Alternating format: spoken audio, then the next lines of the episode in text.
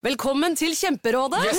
Denne gangen har vi fått inn et kjempedilemma fra en familie. Okay. Jeg leser Hei, vi er litt uenige i familien her. Mm. Hvis du skulle vært et dyr, ville du hatt gjeller eller vinger? Oi, den er tricky. Ja, Hva ville dere hatt, da? Altså, jeg vet ikke, men Med familierabatt får du ubegrenset data fra Telenor fra 399 kroner. Da kan du scrolle seg til svaret, rett og slett. Ja, ok, Men for min del Ja. gjelder. Nei, nei, Gjelder. nei, vinger. Nei, nei, gjelder. Ja, okay, ja, Kjempebra. Men eh, se nye mobilabonnement på telenor.no, da.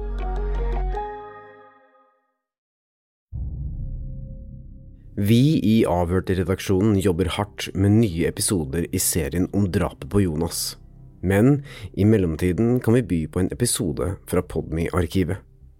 Denne episoden ble først publisert på Podme i 2021, men er nå tilgjengelig helt gratis for første gang.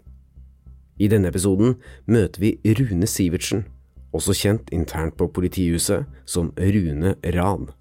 Rune er en av Norges mest erfarne etterforskere, og i denne episoden forteller han et lite knippe historier fra en lang politikarriere.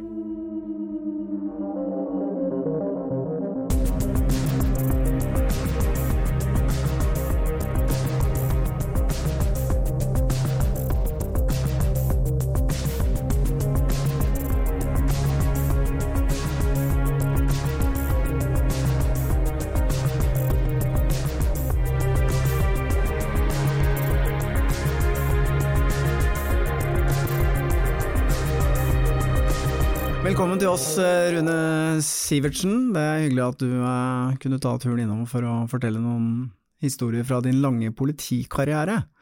Ja, det begynner å bli noen år. Takk. Det begynner å bli noen år, det er riktig det. Men eh, før vi går inn på disse historiene, så har jeg lyst til å bare høre med deg hva som skjedde en gang på 90-tallet. Vi har hørt at du eh, hadde- var på hundepatrulje, Mm. og eh, slapp hunden etter en, eh, en banditt. Og eh, fant hunden din eh, bundet til et gjerde, eller hva, hva var det som skjedde da egentlig, når du fant hunden din eh, bundet etter å ha sendt den av gårde? Ja, du sier jo sjøl at det er fra 90-tallet, så det begynner, bli, det begynner å bli en del år. Eh, jeg, jeg har hatt en del historier som kanskje sitter igjen enda, og det der er jo en av dem. Vi kjørte jo mye biljakt når jeg var på hundetjenesten. Eh, og vi lå veldig ofte etter en, en gjeng eh, som eh, den gang ble kalt Tveta-gjengen. Og fanga jo opp en eh, bil da, som eh, vi la oss etter. Jeg lurer på om faktisk jeg var alene. Vi kjørte jo av og til alene på den tida der. Eh, og vi endte vel opp, tror jeg, i området Svartskog. Bilen som jeg kjørte etter, havna inn på en sidevei. Og det, da vet vi ofte at eh, noen skal ut og løpe. Og det er jo fint for oss med hund, for da kan jo hunden få lov å løpe etter. Eh, og jeg tror jeg så bakfotene så vidt det var på vedkommende forsvant nedover lia der. Eh, setter bikkja på spor, og ja, fersk spor er jo fantastisk, det er jo bare å følge på, og i skogen i tillegg. Eh, så snubler jeg vel, det går jo litt fort det her innimellom, og sporlina bare forsvinner ut av hendene mine, og da er det jo å begynne å håpe på at han klarer å følge etter og finne bikkja, da. Og det gjorde jeg jo, men da var han jo bøtta fast.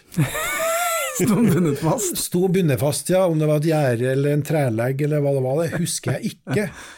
Men jeg husker at jeg reflekterte over at uh, det ikke var skjedd noe med bikkja uh, utover det. Uh, og det var jo en eh, hyggelig ting i seg sjøl, så hvis jeg husker riktig nå, så var, var vi i gang igjen med dette sporet like etterpå, og vedkommende som hadde løpt, han ble fanga. Eh, I pågripelsen så blir det ofte litt støy, bråk, da er man jo litt sint eller høy puls. Men jeg husker at jeg tok en prat med han eh, etterpå, og ga han faktisk kreditt i forhold til at eh, jeg ikke hadde forsøkt å gjøre noe gærent med bikkja. Eh, og da svarte han noe sånt som at eh, han syntes jo synd på dyr, og, eller var glad i dyr. Og bikkja i seg sjøl hadde ikke gjort noe gærent. Så eh, vi var vel egentlig velforlikt i etterkant, og det har jo litt med hvordan du behandler folk som du pågriper. I det øyeblikket de er pågrepet, så er de pågrepet. Da, da er det ikke noe mer Det er ikke juling da. Det er ikke juling. Det, selv, selv på 90-tallet så hadde man stoppa med den ting, og jeg tenker at at man var litt hardere i klippa før den tid, men eh, eh, verden ble jo litt mer opplyst på den tida her, så vi var ganske snille, egentlig. Det, det som er morsomt, er jo at det er under en måned siden den personen som bitta fast eh, hunden din, satt her i studio og fortalte eh, en ganske lik historie. Okay. Han sa at du ble litt muggen for at eh, han hadde bitta fast den bikkja. Ja, og det er nok riktig å bruke ordet muggen der og da, men eh, sånn, sånn i etterkant så er man jo bare takknemlig for at uh, bikkja hadde det bra, rett og slett. Men det var jo sympatisk at han bare tok og bandt hunden, da, og Ja. ikke gjorde noe mer. Nei, altså jeg har jo opplevd uh, folk som har prøvd å ta hund, altså skade hund på et eller annet vis, så jeg vet jo at det kan, kan fort skje. Selv om bikkja er, er uh, trent for å, å både forsvare seg sjøl og fører, så er det jo ingen garanti hvis du kommer med en kniv eller ei klubbe eller et eller annet, at det fort kan bli en, eh, en skade. Nei, eller i mitt tilfelle med min nye hund, hvis du har en pølsebit i lomma, så, så er du verdens beste venner med en gang. Hender seg at det funker, ja. ja, det var den gangen. Etter det så øh, begynte jo du på ja, hva het det den gangen? Ransavsnittet? Ja, det gjorde det. Ja. Eh, Ransavsnittet ble oppretta på 90-tallet en gang, på grunn av at eh, da var det utvikla seg et eh, ransmiljø som eh, begynte å bli ganske så profesjonelle. Utbyttene ble større, risikoen ble større, og større utfordring for politiet, selvfølgelig. Så det ble oppretta et eget ransavsnitt, og jeg begynte å jobbe der eh, i månedsskiftet desember-januar 2000. Eh, og rett før jeg begynte, så var det jo det første Løren-ranet. Ja, fortell om det, for det var jo ganske spektakulære greier, var det ikke det? Ja, altså det var jo noe som Politi-Norge ikke hadde sett før. Uh, for å si det rett ut, så visste vel ikke politiet heller hvor uh, tellesentralen var. Uh, dette, var jo, dette er et regelverk som eh, ble stabla på bena på et senere tidspunkt, at man skulle ha god oversikt over alle objekter som, som kunne være aktuelle for, for ran. Og nå begynte jo jeg eh, etter selve ranet, men jeg husker jo det at det var ingen av de som var på ransavsnittet som, som visste hvor dette var hen eh, når selve ranet skjedde. Og langt mindre kanskje operasjonssentralen også, som, eh, som eh, selvfølgelig får meldinga først. Så da går det jo ofte litt tid da, før man får gjort de riktige tinga for å og rutinemessig fange opp eventuelt ranere som drar fra stedet. Men tellesentralen var jo på Løren, eh, håndterte store pengesummer, og eh, dette stedet ble rana på en måte som eh, Norge ikke har sett i hele tatt. Og det ranet, hvis jeg husker riktig, er vel ikke helt fullt ut oppklart en dag i dag. Nei, for det var jo bevæpnede, litt sånn nesten litt militært aksjon, var det ikke det, mot den telesentralen? Jo, det var jo det. Altså, det at ranere er maskert er jo vanlig, men her ser man at eh, de opptrer som en militærkommando. Eh, tar gisler. Eh, ja, nå husker jeg ikke alle detaljene, faktisk. Jeg må, jeg må nok sjekke opp om eh, For jeg husker tre ran på samme stedet. Og det kan være at jeg blander litt de forskjellige. Ja, for de tok jo den tellesentralen flere ganger, gjorde de ikke det? Ja, det var tre ganger den ble rana, og alle de tre rana er vel slik at politiet vet hvem som mener, vet hvem som har gjort det, men de er ikke oppklart i den forstand at noen er domfelt for det. Nei. Men dette var jo en tid hvor det skjedde veldig mye. Det, dere hadde nok å henge fingra i. Det var jo øh, tellesentraler, og det var verditransporter, og det var minibanker, og det var øh, Det var ganske travelt for dere. Ja, jeg følte jeg fikk en eh, tøff ilddåp i den forstand at eh, alle eh, Det var jo et forholdsvis stort avsnitt, oppimot en 15, tror jeg. Eh, og alle var jo opptatt med de sakene som eh, skjedde, og som sagt, du hadde tre ran i løpet av noen få måneder på samme stedet. I tillegg så var det jo ran mot, mot eh, banker som skjedde, og disse minibankene som du nevnte. Eh, Så det var en periode det var Ja, vi jobba døgnet rundt. faktisk. Men visste dere på det tidspunktet hvem som egentlig sto bak dette? Jeg ble innført i en del informasjon ganske tidlig om at man hadde i alle fall et visst miljø å kikke etter. Eh, sånn at Man kan jo aldri si at man vet eksakt hvem som gjør rana, men jeg tror allerede på dette tidspunktet så hadde man en grei oversikt over hvilke kriminelle miljøer som var potensielt aktuelle i forhold til den type ran. Og, og de folka har jo vist seg etterkant, i hvert fall domfelt for flere lignende saker, så eh, jeg føler jo at vi var inne på rettssporet. Hmm. Men uh, klarte dere å ta alle fra den gangen, eller er det noen som har sluppet unna?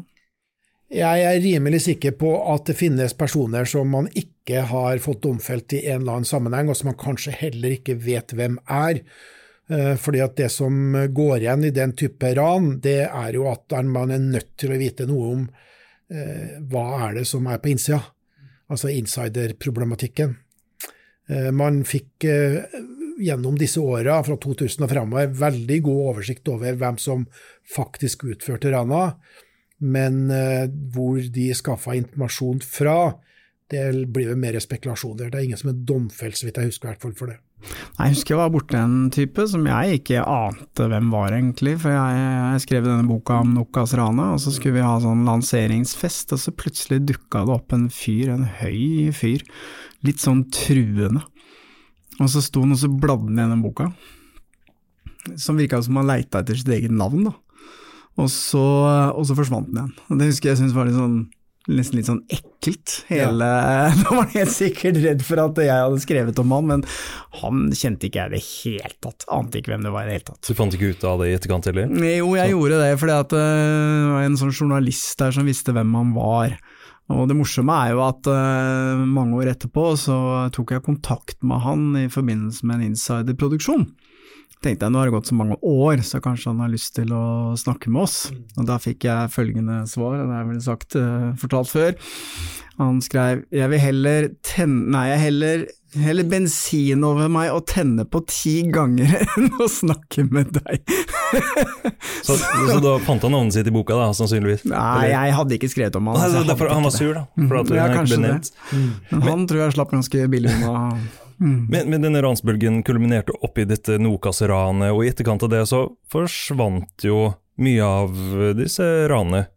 Gjorde det ikke det? Ja, jeg vil ikke si at det forsvant umiddelbart med Nokas-ranet. Vi hadde jo eh, Munch-ranet eh, i etterkant, som også krevde veldig mange ressurser.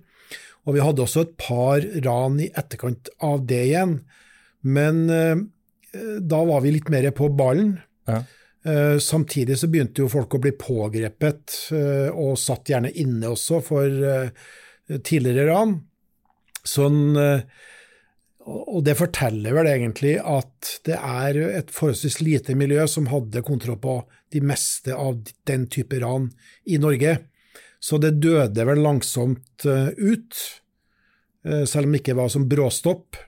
Så vil jeg jo si at de som da ikke var med på Nokas-ranet, men som likevel var en del av miljøet, ble pågrepet i andre typer ja. ran i etterkant. Så, så, den gjengen der, de gutta som ble dømt i Nokas, de var, det var miljøet? Det var det ransmiljøet som herja på 2000-tallet? Ja, jeg vil si det. Ja. Og så har du noen i tillegg som uh, toucha innpå det samme miljøet, men som var mer selvstendige. Uh, så ja, uh, miljøet var lite. Ja, Så de, de rana oppe på Løren der, konklusjonen sånn uoffisielt, samme gjeng? Ja, jeg mener det. Ja. Mm. Det var mange ran, men jeg husker jo veldig godt uh, et ran som, uh, som, var særdeles stygt, og det var vel det på Postens brevsentral. Ja. Mm. Kan du fortelle om det?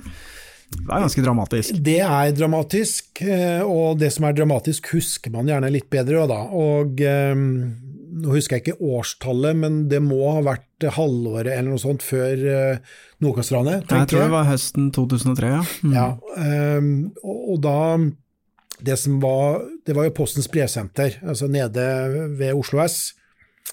Uh, ranere gikk inn. Det de bomma på der, var vel eksakt hvor de store penga lå. Uh, det virka som at planene sånn sett i etterkant var noe utgåtte, slik at utbyttet i seg sjøl var jo forholdsvis lavt. Men gjengen eh, fremsto jo som eh, i hvite kjeledresser, automatvåpen, eh, selvfølgelig dekka til med finlandshetter osv. Eh, brutal overfor de ansatte. Og på vei ut så viser jo seg det at politiet hadde jo Det var jo ikke langt unna Grønland, så politiet var jo forholdsvis raskt på stedet. Eh, da setter ranerne i gang med en voldsom ildgivning fra i hvert fall en AK-47, kanskje et annet våpen, jeg er litt usikker på det. Eh, de, som, de politifolka som kommer til stedet, må bare kaste seg i dekning bak en bil. Bilen ble pepra med automatvåpenet, og at ikke noen blir truffet, er bare et eh, under. Eh, det er klart at når du bruker den type massiv ildgivning, så, så kommer du deg unna. Eh, og bilen stakk jo gjennom, så vidt jeg husker, den kulverten som er under eh, Oslo S, kom ut på andre sida og forsvant litt oppi lia der. Eh, det ranet ble jo delvis oppklart, men selve oppklaringa skjedde nok ikke før i etterkant av Nokas-ranet, hvor man fikk flere ting på plass. Men det også var jo, det var jo mye av de samme gutta. Det som vi så som var nytt, eller to ting var nye. Det var den massive bruken av vold. Eh, absolutt eh, nytt. Og i tillegg at man ser at det er en innblanding av et svenskt miljø fra, fra Göteborg. Så det var helt klart en, en, en, ny terskel i forhold til hva ranere var villige til å, å bruke av vold for å komme seg unna. Ja. For det her var jo på høylys dag på et veldig trafikkert sted. Eh, jeg gikk jo i klasse med en som hadde vært ute og reist med tog, og der kom de gutta løpende ned, så han ble sikta på med et maskingevær. Ja. Så det, det var jo et sånn nytt skille at de da de, de, ga blaffen i det. Ja. De skulle ha tak i de der uh, pengene, eller pakkene, eller hva de var ute etter i det tilfellet der. Ja, altså, vi, kanskje har vi aldri fått svar på hva de egentlig var ute etter, men de bomma i alle fall på akkurat det, for, for summen som de fikk med seg, var forholdsvis uh, liten. Men, men, det jeg har lyst til å legge til der, det er jo det at også for politiet så endra jo dette fokus i forhold til uh, hva vi kunne forvente. Så man la jo lista deretter. Eh, nå lovte jo ledelsen da, ved Oslo PD at dette her skulle ikke mangle ressurser. Jeg så ikke så veldig mye til akkurat det når det kom til stykket, men, men samtidig så ble det jo mer ressurser enn det vi hadde tidligere. Og eh, når da Nokas-ranet skjer eh, halvåret etterpå, så, så, er man vel litt mer mentalt forberedt på den type ran. Eh, og da tror jeg nå at nok var nok også for eh, landets myndigheter. Jeg husker jo godt at eh, Dørum, justisministeren der, han sa at eh, her skal det ikke mangle penger. Det er bare å, for politiet å sette i gang, og ekstra midler skal absolutt komme. Så jeg mener jo oppriktig at det også var starten på fallet for ransmiljøet at man eh, legger seg på det nivået der. Da, da må bare eh, samfunnet eh, sette mottiltak som, som, matcher det. Ja, Så du kan egentlig si at den store feilen de gjorde, var at de eskalerte det så voldsomt at ja. det kom en kraftig motreaksjon? Ja, absolutt. Det, det vil jeg si. Mm. Det er jo litt lett, eh, det er såpass mange år tilbake, så er det litt lett å romantisere den uh, perioden. Uh, hører Jonny Brenna snakker om det, så sier han uh, kriminaliteten i dag er så kjedelig. Den gangen så var det liksom mer action og, og vi får aldri se noe sånt igjen, men det hadde jo en pris til det, for blant annet på Postens pressesentral så var det vel noen disse ansatte som ble skikkelig traumatisert, så vidt jeg husker.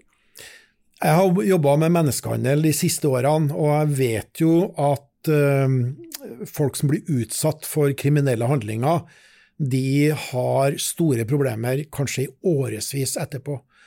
Og i forbindelse med de ranene som vi hadde på den perioden her, så er jeg sikker på at det går folk den dag i dag som uh, har posttraumatisk syndrom, eh, som måtte ha behandling eh, fra, fra, samfunnet for å komme seg på bena, og kom, flere kom sikkert ikke i jobb. Nå skal det sies at på 90-tallet hadde ikke politiet sånn kjempefokus på offer. Det var mer konsentrert rundt eh, å straffe gjerningsmennene, og så hadde man ikke den store fokusen på ofrenes stilling. Jeg tenkte at det er Helse-Norge som tar seg av det.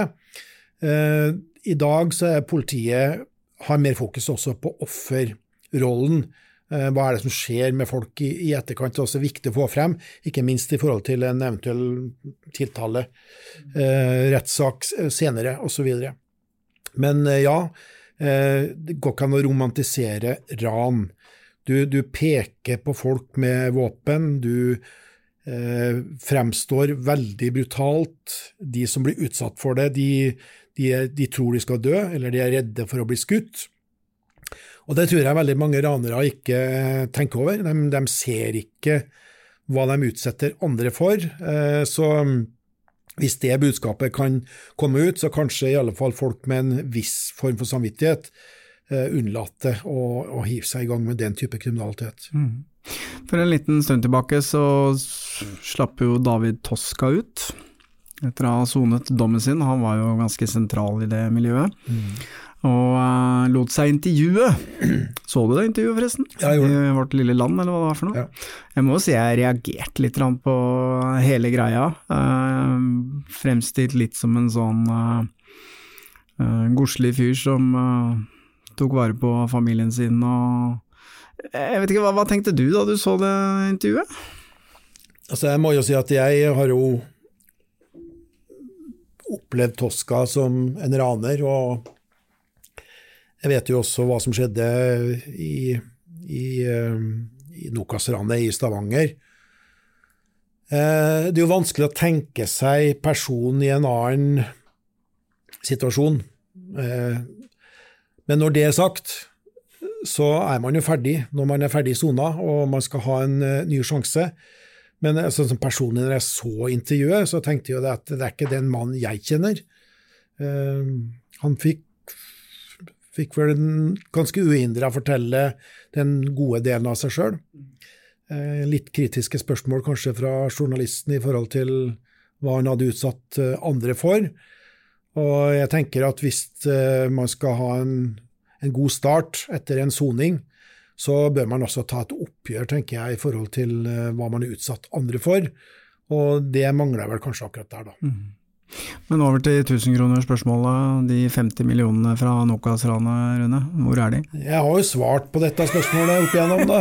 Eh, og jeg velger å se det i en litt større sammenheng. Eh, 50 millioner er jo riktignok fra Nokas, men selve ransmiljøet eh, har jo, har jo rana til seg atskillig mye mer. Snakker vi om borti 200-300 millioner? Ikke? Ja, 250, ja, kanskje mer mm -hmm. millioner. Og det er klart at selv om noen i dette miljøet levde på høy, høyt strå, eh, var ute på byen og fremsto som, som kjekke karer, så tror jeg ikke pengene er brukt opp. Men jeg har vel også sagt at jeg tror neppe at politiet eller andre finner cash. Så dette er hvitvaska, dette er omgjort til uh, andre ting. Dette er investert. Vi vet jo også det at i forbindelse med oppklaringa av Nokas-ranet, så eh, oppklarte man også en innførsel på et større markparti. Eh, der gikk det jo en god del. Jeg velger å tro at pengene som kontanter ikke finnes, eller finnes i svært små eh, partier men at noen investerer og har investert i deler av disse pengene, det føler jeg meg ganske sikker på. Og da er man jo nødt til å ta folk for ny type kriminalitet for å kunne finne sporet, for å si det sånn.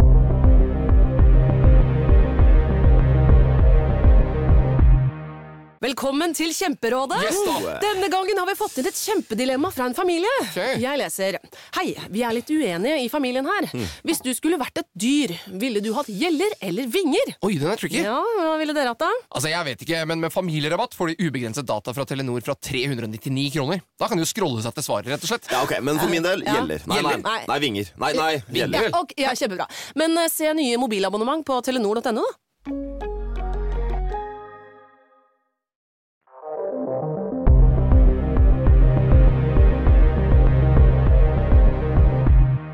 De, de ble jo erstatningspliktige, de som, hadde, de som ble dømt i Nokas-saken. Vi prata med Alf Henrik Christensen, som hadde jo et krav på hva var det? 20 millioner. 20 millioner eh, som ikke blir forelda heller, så det vil jo alltid henge ved. Så de gutta, selv om de da skulle ha hvitvaska og, og får det knytta til sitt navn, så er det penger som eh, vil bli krevd inn deler av det da. Resten av livet, sannsynligvis. Ja, jeg tenker som så at eh, ingen av de som er domfelt og har fått disse erstatningssummene, kan fremstå med egne navn og egne inntekter og egen formue. Det er utelukka. Sånn at eh, hvis dette eksisterer, så er det jo gått via stråmenn eh, over til andre. Og så er man en reell skyggemann bak i forhold til der. Men, men om man på noen måte kan klare å leve et tilsynelatende normalt liv, det, det tror jeg ikke. Du kommer deg ikke ut av eh, den greia der. Har du 20 millioner i, i, i skyld, så, så, så følger jeg til grava. Ja, du har vel problemer med å betale rentene, vel. Men politiet ligger altså ikke i buskene nå og spaner på Pål Toska og venter på at han skal grave opp noen penger. Eh, Jeg vet ikke om det er riktig av meg å svare på det spørsmålet. Altså det, jeg tenker at uh, politiet, forebyggende, har jo en viss, et visst ansvar i forhold til å hindre ny kriminalitet. Så jeg tenker at eh, ingen som driver kriminalitet skal føle seg trygge på at ikke politiet ligger i buskene, uansett om det er den ene eller andre det gjelder. Men så, sånn som han, David Toska, da, til hans forsvar, så han fremsto jo i hvert fall i det programmet, eh, i det intervjuet, da, som en person som eh, vil ha livet sitt inn på et annet spor. Ja, ja. Og han har jo tatt utdannelse og eh, alt det der, men så har du noen andre som eh, gikk rett i baret med en gang eh, de kom ut igjen. Ja, Metkel Betev, ja. som klarte å rote seg inn i nok en stor sak, sultsaken. Eh, Den saken var jeg veldig lite borti. Jeg eh, jobba på samme seksjon, sånn at jeg kjenner jo deler av saken, og har jo selvfølgelig også fulgt med i media i forhold til hva som har blitt skrevet der. Eh, Og der mener jeg jo oppriktig at politiet gjorde en veldig god jobb i å følge med på dette miljøet når de begynte å løslates og klarte jo å fange opp en god del informasjon som gjorde at man måtte håndtere det på et eller annet vis. Og nå vet jeg jo det at flere ble frifunnet for de alvorligste tiltalene, men, men samtidig så har man altså hindra fremveksten av det samme miljøet med litt andre lederfigurer enn det som var tidligere. Eh, og, og det tenker jeg kanskje det er den største gevinsten. Eh, Det er forebyggende. ja, i det i høyeste grad forebyggende, og vi har vel knapt sett den type ran etter 2005-2006, tenker jeg. Vi er så langt tilbake i, i tid, så um, dette var potensielt et miljø som kunne ha satt i gang igjen med de store sakene. Men vi, politiet mente jo at det var mulig drap på gang, det var ran på gang, det var narkotikainnførsler.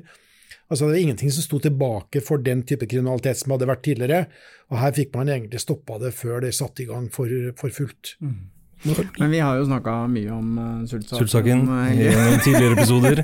Vi har noen som er uenig i at politiet gjorde en god jobb der. Ja, jeg, det er har- en- en jeg har hørt alle versjoner her, og, men jeg sitter helt oppriktig Nå er jeg Ja. subjektiv, selvfølgelig, men eh, jeg mener oppriktig at man, eh, man gjorde så godt man kunne med, med den informasjonen man hadde. Og så eh, har man forebygga at miljøet på nytt vokser til å bli et stort, potent kriminelt miljø. Men i noen tilfeller så skal det ganske mye til å bli dømt.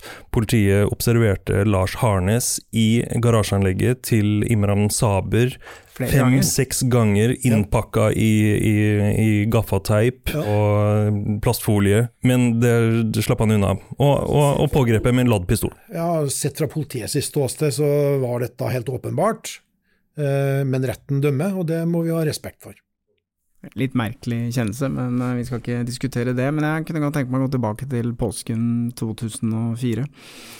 Eh, hvordan eh, fikk du beskjed, og hvordan opplevde du uh, Nokas-ranet egentlig, og hva skjedde liksom i etterkant fra deres side? Jeg vet jo at det fantes noe informasjon i forkant.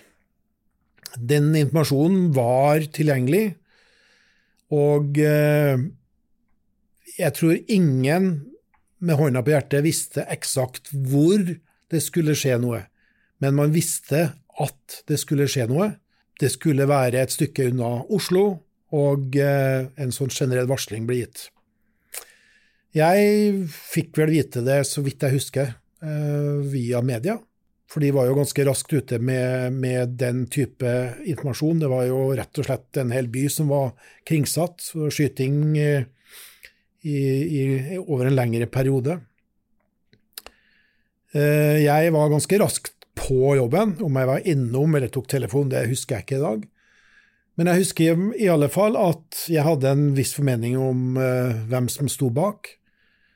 Og sammen med Kripos så dro jeg over til eh, Stavanger veldig kort tid i, i etterkant. Da var det om å gjøre å legge frem den informasjonen man hadde om et mest potente miljøet. Eh, jeg husker det var en veldig prega gjeng eh, vi møtte i Stavanger. De hadde jo mista en kollega. Det var helt ferskt, bare det. Og jeg tror mange var i sjokk, rett og slett. Jeg husker vi satt i en større sal der, og viste bilde etter bilde av aktuelle personer. Og svært mange av dem gikk jo senere inn da, som eh, de som ble domfelt for, for Nokas-ranet. Så det, det, var starten uh, min da, i forhold til den biten der. Reiste jo over til Oslo. Etter hvert så ble jo dette et samarbeidsprosjekt hvor Stavanger leda. Kripos var sterkt inne i bildet. Oslo var inne i bildet, og det var også flere andre politidistrikter som, som hadde samarbeidspartnere inn i dette store prosjektet. Så for min del så ble det jo etter hvert et sidespor eh, inn i Oslo, hvor eh, det kom folk over fra Stavanger. Eh, ja, man hadde forskjellige grupper som jobba med forskjellige ting. Og jeg hadde et veldig nært samarbeid med Stavanger i, i, i veldig lang tid. Uh, var også over i Stavanger i den perioden hvor rettssaken gikk. I hvert fall tingretten, så vidt jeg husker. Um, og Det var jo for å se om det dukka opp folk rundt retten som kunne ha interesser av uh, et ja, trusselbilde. da. Det var jo enda folk på utsida som var kanskje redd for å kunne gjøre noe. Folka satt jo varetekt mye penger på spill. Det, er, eh, det var et høy, ganske høyt trusselnivå. Det var jo operative folk rundt der også. Når, eh, når det hadde gått ett år, så husker jeg gikk i gangen i fjerde etasjen på, i Oslo. Og da kommer det tikkende inn melding om at uh, Tosca er pågrepet i Spania.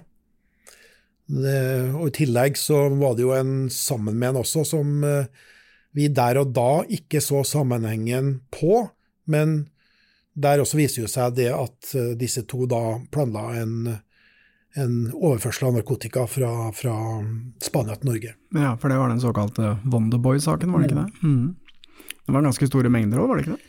Jeg husker ikke mengdene, men eh, jeg tenker tredje lag tredje, Altså det er den høyeste paragrafen da for uh, narkotikaforbrytelser som, som ble brukt. Så det var, det var, store mengder narkotika. Og teorien er vel at deler av Nokas utbytte var investert i, i akkurat den biten der. Så um, jeg føler vel at det, selv om jeg ikke var sentral i, i Nokas-saken, så føler jeg at jeg var med i veldig mye av etterforskninga. Um, ja, fulgte veldig nøye med i den perioden der. og vi hadde, hadde altså var fokus på, på, den saken. Det var det, som, det var det som var viktig. Ja, så fikk du, Du nevnte i stad så fikk du dette ranet mot Munch. Ja. Munch-museet, og det har vært uh, snakket mye om at uh, det var på mange måter Toska som bestilte det også, som en avledning fra Nokas-etterforskningen. Kan du si noe om det? Jeg kan si at det var en av hypotesene. Uh, det ble aldri bevist. Eh, men hypotesen har heller aldri svekka seg. Sånn at det, jeg sitter med en følelse av at det hang sammen. Eh, det som er å si om det, at det svekka ikke etterforskinga i Nokas-saken. Vi fikk eh, forholdsvis greit med ressurser til også å ettergå eh, Munch-ranet. Og deler av fokuset forsvant jo selvfølgelig for vår del da, på, på Nokas-ranet, men vi, vi, hadde bra med ressurser eh, gående også opp mot uh, Munch-ranet. Men hva var det egentlig som skjedde, fordi disse to bildene forsvant? Og så uh, betalte vel Oslo kommune et par millioner kroner i dusør for å få det tilbake, var det ikke sånn? Altså, jeg kan ikke kommentere store deler av den biten. Eh, jeg kan bekrefte at eh, det ble utbetalt en dusør. Det er på en måte bekrefta. Eh, hvordan bildene kom til rette, det er taushetsbelagt. Det er umulig for meg å, å, kommentere. Men det ble jo domfelt, altså ranere ble domfelt. Maleriene kom til rette, og vi føler jo at Eh, om ikke den er 100% oppklart, så er den i hvert fall sterkt opp mot 100 eh, oppklart. Vi vet hvem ranerne er. Eh, vi vet lite om hvor maleriet har vært. De var jo skada når de kom tilbake. Men at ranere ble dømt, og at maleriene kom tilbake, det er vel det viktigste for, for oss. Ja, altså det er jo disse pengene er vel kanskje ubetydelige i forhold til den verdien som de maleriene har, da. Men jeg husker det var spekulert veldig mye om hvem som fikk denne dusøren, da. Det ville vært litt kjedelig kanskje om de gikk tilbake til de samme gutta som rappa det. Men ble ikke det, er ikke det offentlig kjent? Hvem som Nei, fikk det? Nei, det, det, er ikke det, for der har det vært mye ja, spekulasjoner. Han ble jo veldig hissig på Det var jo utbruddet i, i Sult-saken, blant annet. Jo, man spekulerer jo i at uh, Skal vi si det? Skal vi si navnet? Nei, altså, at det var derfor noen prøver å drepe noen også? Kan bekrefte de eller avkrefte? Det som er offisielt, det er jo det at Imran Saber selv offentlig har gått ut og sagt at uh, han har mottatt uh, dusør. Mm. Det har aldri blitt bekrefta fra politiet. Eh, så det, det, da er vi over på at eh, hvordan dette har skjedd, det blir spekulasjoner. Ja. Men han har blitt forsøkt drept et par ganger, han Saber, har han ikke det? Vært noen attentater mot ham? Det har vært eh, det, ja. Mm. Han er vel skutt en gang, mm. og så mener jo politiet at det har vært et forsøk eller planlegging. Vet man hva bakgrunnen er for det? Jeg må bare henvise til hva retten har sagt, altså at det er ikke bevist. Og jeg tror heller ikke det var ikke med etterforska selve skytinga altså den gangen han ble truffet, men jeg er litt usikker på om det også er oppklart. Jeg tror ikke det. Ryktene skal jo ha det til at han skulle administrere noen av disse penga eh, Nokas-utbytte, mens eh, gutta satt i fengsel. Og de ble administrert eh, rett inn i noen barer nede i Dubai og dyre hotellopphold og noen diskoteker og greier. Jeg vet, ikke, jeg vet, ikke, om det stemmer. Det er bare spekulasjoner. Ja, dette er kun spekulasjoner. Jeg har ikke noe belegg for, så jeg vil bare si det, at uh, dette er bare ting vi har lest. Ja da. Ja. Men uh, etter Nokas-tiden og alle disse ranene og sånn, hvordan har kriminaliteten utviklet seg uh, i Norge egentlig? For det ble liksom slutt på de ranene. Det blir jo slutt på rana, men det betyr ikke det at kriminaliteten forsvinner. Altså, Den tar jo nye former. Eh, og jeg tenker også at når det gjelder eh, disse rana, så kan man jo si at det er en kombinasjon av at folk blir gamle nok, de soner. Men det kan også være at det blir smartere, i forhold til hvorfor bruke mye energi på å planlegge et ran når du kan eh, stjele penger tilsvarende ransutbytte. Eller lure folk til å utbetale penger på titalls millioner. Så jeg tenker jo at noe av kriminaliteten har nok dreid den veien der, hvor man i mindre grad er synlige i forhold til uh, type ranere. Uh, pengene er der. Uh, for min del så ble jo ran, ransavsnittet ble jo nedlagt, rett og slett fordi at det ikke var den type ran lenger. vi hadde jo et prosjekt sammen med Stavanger i ganske lang tid som gikk på å spore penger. Og da havna vi oppe på Åsta gård, eller Vålstua som det heter, hvor vi ikke fant noen penger, men vi fant en uh, hasjplantasje som var på gang. Uh, ikke mange plantene, 25-30 planter, men utstyret var jo kjempeprofesjonelt, og der må de ha brukt flere hundre tusen, tenker jeg, i forhold til å få denne opp og gå kom aldri ordentlig i gang. Men flere personer i kretsen rundt Tosca ble jo domfelt eh, for eh, den plantasjen. Eh, og selv om ikke det var mye narkotika beslaglagt, så ble de jo domfelt som om hvor mye ville de kunne produsere på et år, f.eks. Så jeg føler også der at vi klarte å, å få stoppa Kalle Toskas gode hjelpere, da, i en, i én sak. Men etter det så ville vel ikke ledelsen at vi skulle Eller tenkte at nå har vi liksom gjort nok. Eh, jeg mener jo fremdeles at vi satt med uhorvelig mye informasjon som vi kunne gått videre med, men eh, da var nok nok. Så Ranstadhytta ble nedlagt. Og for min del så da begynte jeg å jobbe med menneskehandel. Mm. Det har jeg lyst til å snakke litt med deg om, men eh, aller først lønner i kriminalitet seg, Rune? For noen så svaret er vel tja. Jeg mener vel oppriktig at selv om du kan etter hvert tjene penger på kriminalitet, så har du likevel et liv som gjør at du må alltid stille deg spørsmål er det verdt det. At du lever fra du er 17-18 år til 40 og har det spennende og masse penger som Eh, du kan bruke, og du viser fingeren til samfunnet. Men så er det liv, dette livet når du begynner å bli voksen og gammel. Så jeg stiller jo spørsmål om det er verdt det. Men samtidig så vet jeg jo, og nå er jeg jo litt på spekulasjoner, at altså, folk som er smarte nok, de kan jo etter hvert hvitvaske seg frem til eh, et greit liv som eh, forretningsmenn som tilsynelatende er samfunnets støttespillere. Eh, men jeg tror at det er så ekstremt få at det store, store flertallet de taper på kriminaliteten. Det er et rått, brutalt miljø, og henger du ikke med ordentlig der, så blir du utnytta. Helt åpenbart. Så for et lite fåtall, ja. Det blir som å tippe. Mm. Det er noen som vinner. Noen som vinner Lotto. Mm. Ja. Men det menneskehandelbiten eh, er jo eh, interessant, for det er jo ganske stygg kriminalitetsform.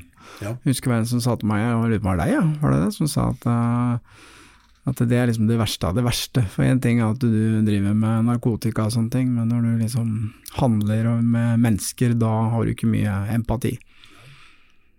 Hvordan kom du inn i det, egentlig?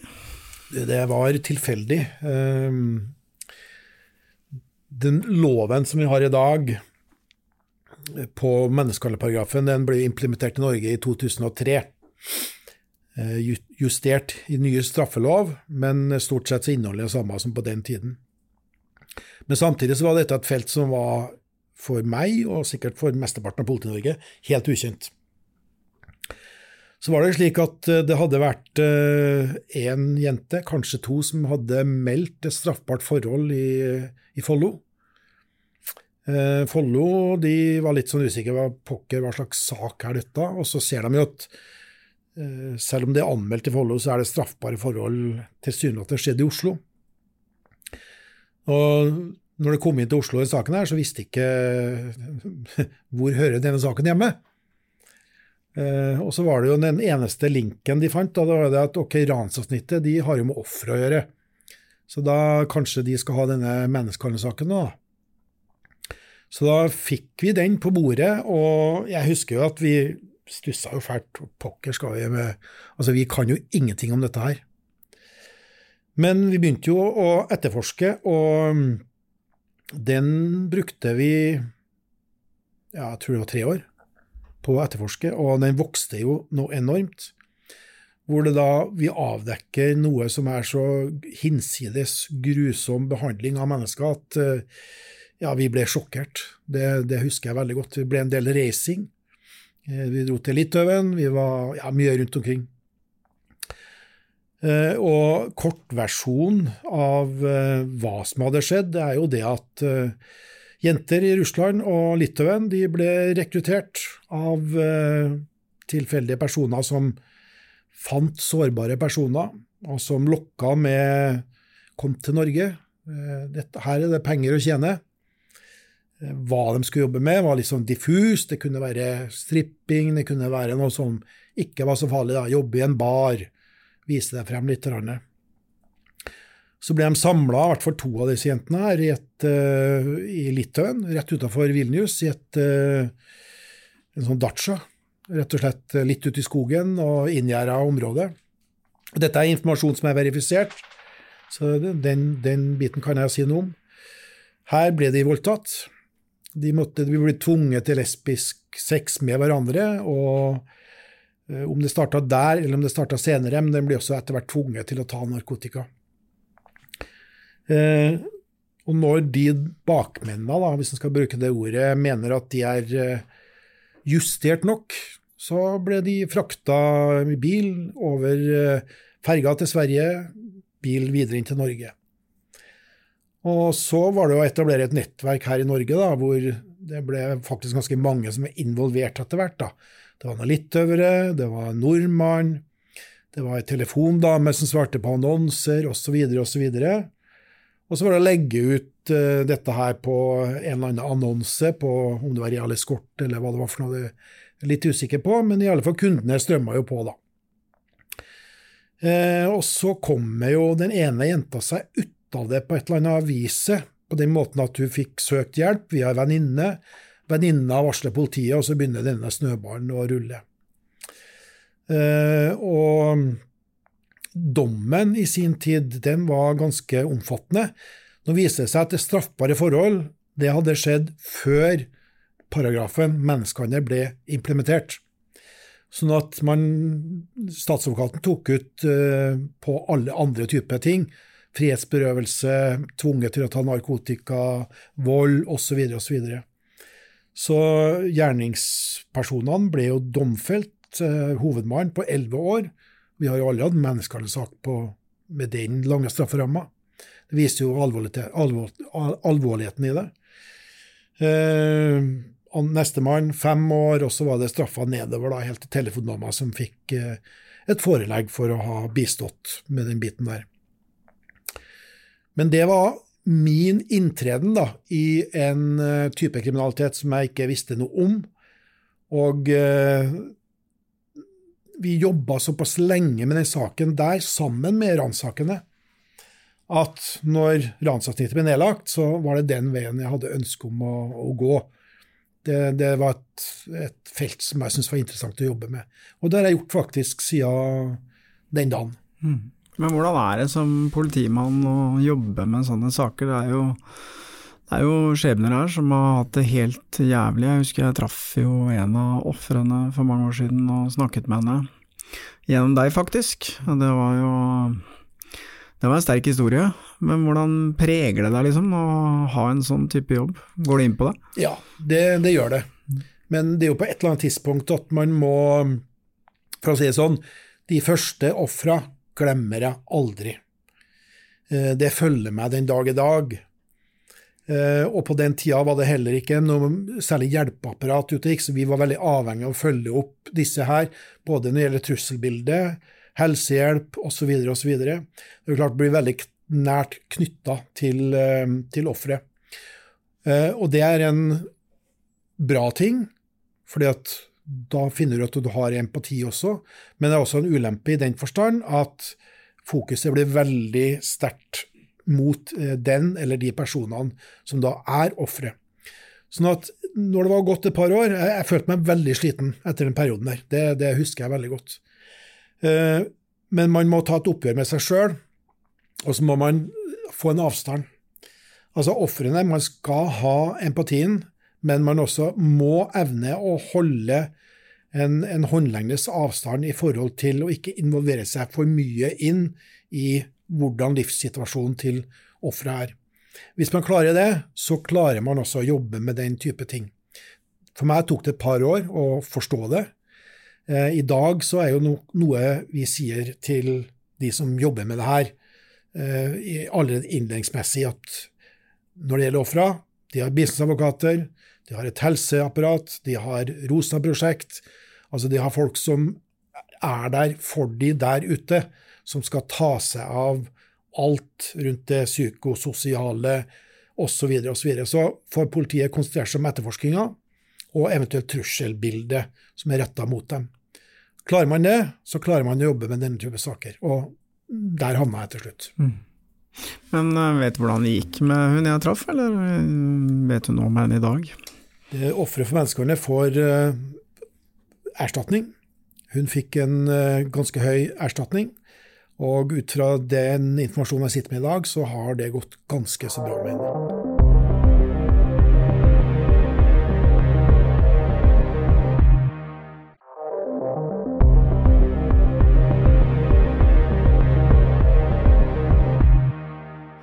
Men hvordan er det med denne menneskehandelbiten? Det er lenge siden jeg har lest noe særlig om det i media. Det var veldig hot en periode, men så har det blitt liksom helt stille. Er det en kriminalitet som fortsatt er eh, aktuell i Norge?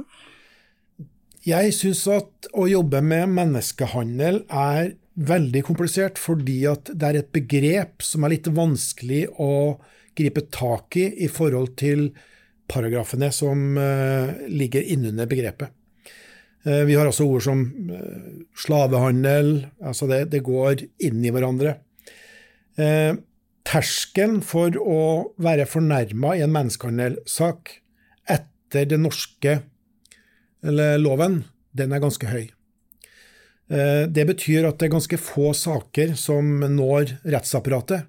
Det er mange saker vi jobber med, men som vi aldri klarer å bevise er menneskehandel.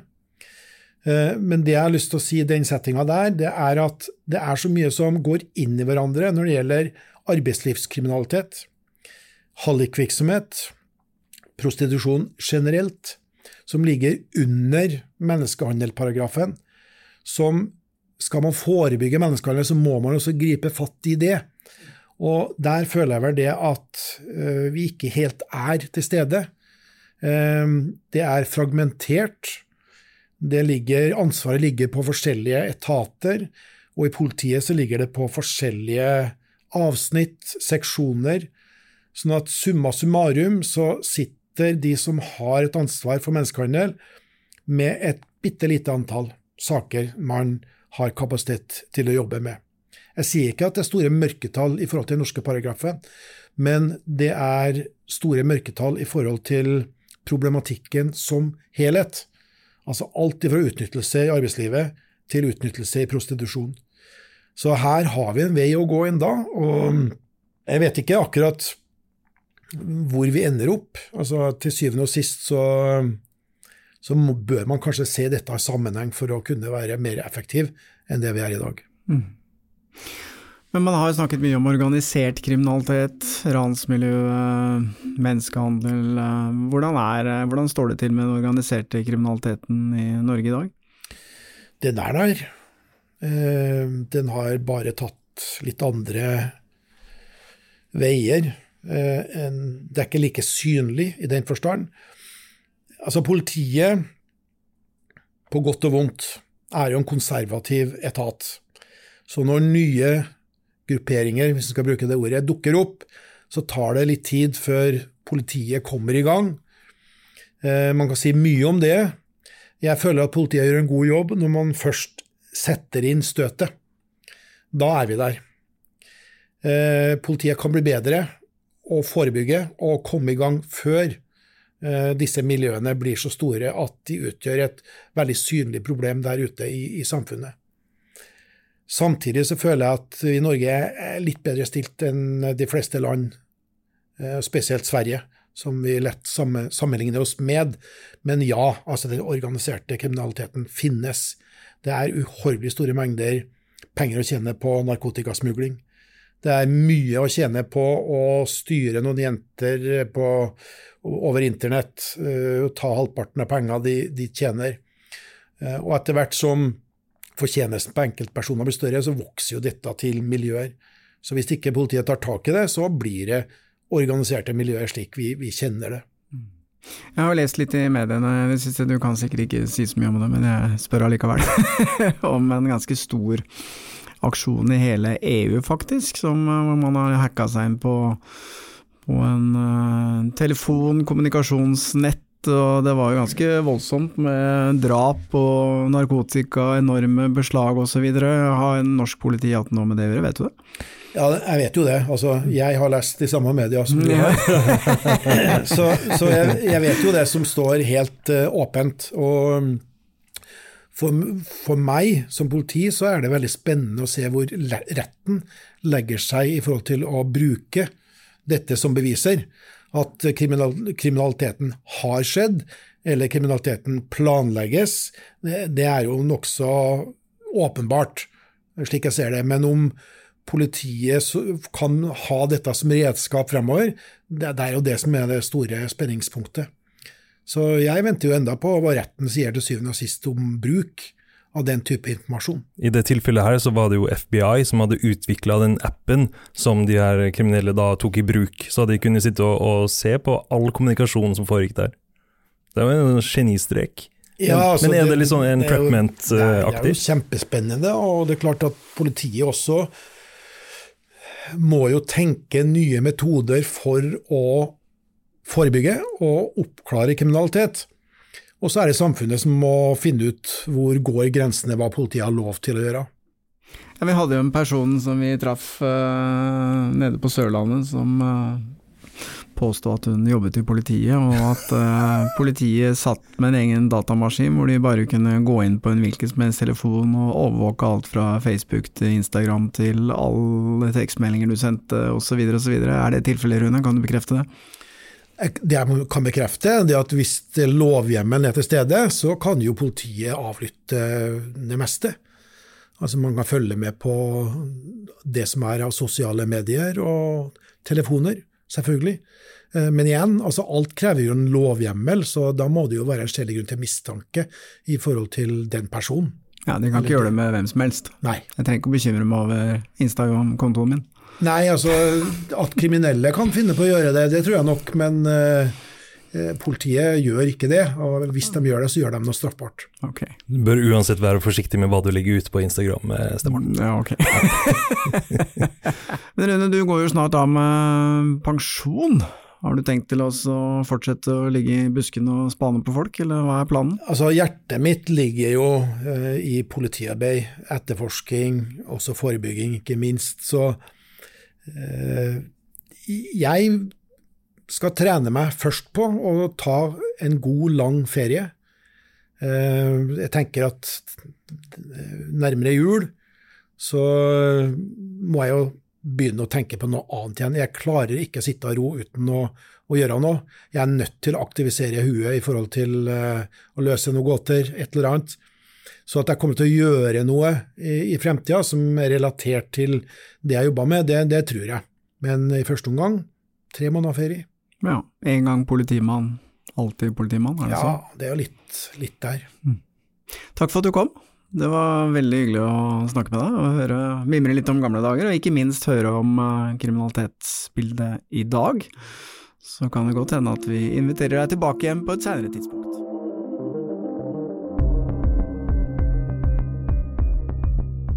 Avhørt er produsert av Batong Media. Redaksjonen vår består av Stein Morten Lier, Helge Molvær og Lars Christian Nygårdstrand. Temamusikken vår er laget av Altered States, og du finner oss på Facebook og Instagram. Vil du høre eksklusive episoder av Avhørt, gå inn på podme.no, eller last ned Podme-appen.